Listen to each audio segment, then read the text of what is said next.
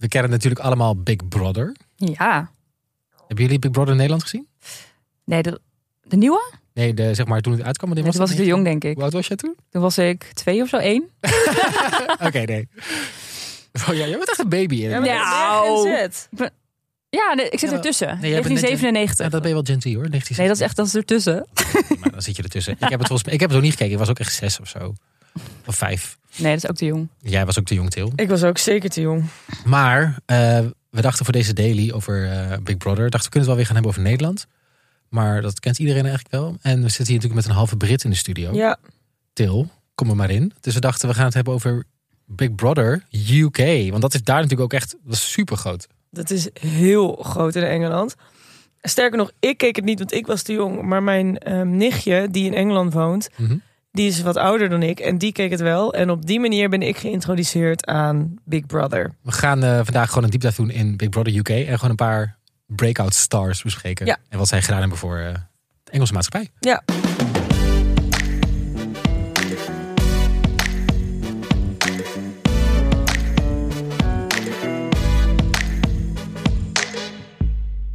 Eh, Big Brother, wat is het eigenlijk? Ik denk dat de meeste mensen het wel kennen, maar even een korte recap. De deelnemers van Big Brother die slapen, eten en wonen in een huis en moeten verschillende opdrachten doen waarmee ze geld kunnen verdienen. En met dat geld kunnen ze vervolgens weer eten kopen, bijvoorbeeld.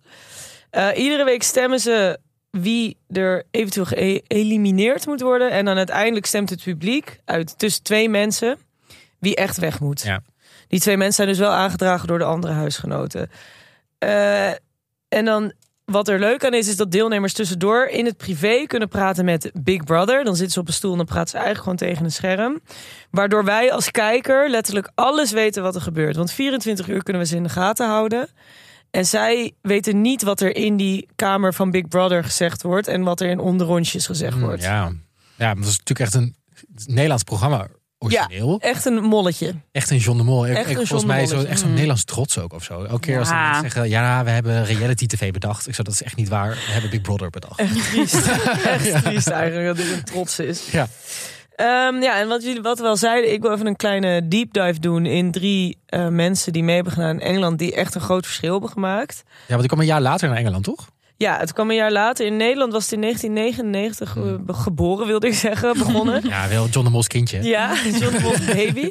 Eh, en in 2000 was het eerste seizoen ehm, in Engeland. En eigenlijk was het in Engeland misschien nog wel een grotere hit dan in Nederland. Dat is echt gigantisch. Echt gigantisch. De mensen die daar meedoen, die, zijn, die werden gekatapult in eh insane bekendheid. Ja, terwijl het hier viel het wel mee, toch? Ja, maar hetzelfde gebeurt dus met Love Island. In Engeland worden de, de Love Island deelnemers... die hebben daarna echt gewoon meerdere miljoenen volgers. En in alle andere landen is dat niet zo. Nee, het is wel oké, maar niet een soort Ja. van echt groot of zo. Komt denk ik ook doordat Engeland zo eh, groot is op... ehm, in de media, hoe zeg je dat? De, de gossip. gossip eh, Oh ja, media. natuurlijk, Dat is de- de daar heel groot. Tabloids, ja. Ja. Vraag maar aan Harry en Meghan. ik vraag het wel even aan. Ja, call them. Ehm, ik wil, maar goed, ik wil dus even een kleine deep dive doen op drie kandidaten die heel groot zijn geworden daar. Eh, namelijk Jade Goody, Oh, die ken ik. Nikki Graham Oh, die ken ik ook. Oh ja. en Pete Bennett. Die ken ik Nee, niet. Ik dacht echt zo, oh. Met welke zou ik beginnen? Kies maar. Begin maar met het eerste. Ik begin maar met de Ja. eerste. Jade Goody. Ehm, wat Jade Goody interessant en leuk maakte was... zij kwam van een working class family, een gebroken familie... en eigenlijk zat niks haar mee. Eh, en zij was unapologetic haarzelf. Dus een dat zo loudmouth. loudmouth, heel brutaal. Zij soms ook dingen waarvan je dacht... "Mm, is het wel zo handig om te zeggen? ook een beetje simpel soms, maar dat maakte juist... ze schaamde zich er niet voor. Een, ja, zoals ik al zei, ze was gewoon zichzelf. En dit legde een brug tussen de working class... en de rijke Engelsen die best wel snobistisch konden zijn. Ja, natuurlijk. Maar deden die ook is mee? Echt nog wel zo'n klassensysteem. Die staat natuurlijk veel groter ook in Engeland überhaupt. Het klassensysteem is veel groter en ze deden niet mee... maar ze voelden wel in één keer...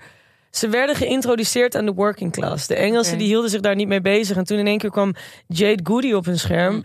En toen werden ze ermee geconfronteerd. Want of je nou working class was of rijk... of Iedereen anything ertussen... keek Big iedereen keek naar Big Brother in Engeland. Want het kan reality tv toch veel doen. Precies. Overbruggen.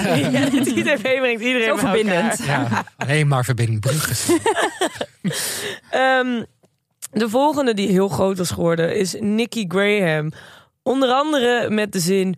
Who is she? Dat is de bekendste zin die zij ooit heeft gezegd. Het gaat over een andere kandidaat die binnenkomt... en een beetje begint te flirten... en een goede connectie krijgt met haar toenmalige vriend...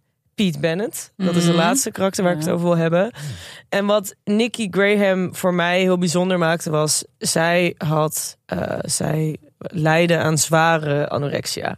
Toen al. Toen al, ja. Oh. In het huis ook al? In dat huis ook al. En de eerste keer dat ze meedeed aan het programma toen... Ik denk dat mensen het wel wisten, maar werd het niet echt besproken. Maar toen een tweede keer, toen heeft ze een ander seizoen weer meegedaan aan B&B, of B&B, aan eh, Big Brother, sorry. en toen was ze daar heel open over, over dat ze anorexia had. En maakte ze het bespreekbaar. Eh, en dat, daar is zij ook mede heel bekend mee geworden dat ze, dat, dat ze die taboe durfde te doorbreken. En uiteindelijk is zij ook op 38-jarige leeftijd overleden Ja, aan die jaar anorexia. Ja, echt vorig jaar nog. Oh. Ehm, maar ik vond het heel bijzonder van haar dat ze daar zo open over durfde te zijn. En dat zij, net als Jade Goody, 100% zichzelf bleef en zich er niet voor. En misschien schaamde zich er, zich er wel voor, maar niet zich er schuldig over voelde. Maar was het wel verantwoord om haar mee te laten doen? Of is... Dat is een vraag. Ja. Dat is zeker de vraag. Maar ze hebben haar wel in een later seizoen nog een keer mee laten doen. En toen hebben ze haar meer op de voorgrond gezet als om door het bespreekbaar te maken. Maar uiteindelijk is ze er wel als ja, je kan het ook. Ik weet het niet of het verantwoordelijk was. Ja, Ik vind het een moeilijke vraag, kwestie. Want aan de andere kant maak je bespreekbaar, maar, aan- ja, maar tegelijkertijd. ook verkeerde Weet voorbeelden. Ja. dat Ja. iemand daaronder lijdt of zo? Nee, en dat zie je wel gebeuren, zeker in dat andere seizoen waar ze meedeed. Mm, ja. En dan de laatste is Pete Bennett. Ehm Pete De- Bennett heeft een. Wat zeg je? De vriend van. De vriend van eh Nicky Graham in een van de seizoenen. Die hebben ook samen in dat huis gewoond. Daar hebben ze elkaar ontmoet en zijn ze close geworden. Ehm, hij heeft eh, dat seizoen van Big Brother ook gewonnen. Hm. En wat ik je nu vooral terugziet als je kijkt naar reality tv... is mensen die het winnen zijn ja, vaak toch wel knap. eh, zijn eh, goed, goed met hun woorden. eh, wel zichzelf, net als al deze karakters. Maar hebben wel een soort van seksappeal tot hun. Mhm. Pete Bennett, die had La Tourette. Die was chaotisch en eigenlijk he doesn't fit the perfect picture van iemand die normaal dit soort programma's wint. En dat vond ik, dat vond heel Engeland zo leuk aan hem, dat hij ook wederom zo erg zichzelf was en gewoon hij, hij kwam in mensen hun harten mede ook dankzij zijn La Tourette. eh, wat hij ook net als de anorexia van Nicky Graham heel bespreekbaar maakte en iets normaals maakte. Want dit was allemaal in 2006 volgens mij. Dat is lang geleden. ja. En, eh, en dat is ook het eerste seizoen van Big Brother wat ik gezien heb. En ik kan hem ook nog heel goed herinneren als iemand waarvan ik dacht: oh ja, als, als ik later zoals hem zou kunnen zijn, dan zou ik dat heel tof vinden. Dat zelfverzekerde in hoe hij was. Achteraf eh, kwam wel naar voren dat hij eigenlijk eh, niet op vrouw viel, maar homo was. En dat vind ik dan ook wel weer grappig. Dus hij was het eigenlijk niet helemaal zichzelf, want hij had wel een relatie met Nicky dus eh, in dat seizoen. Maar ja, eigenlijk de, de, de rode lijn binnen dit verhaal is dat deze drie mensen niet doorsnee waren en niet zouden verwachten van oké, hun zouden populair worden.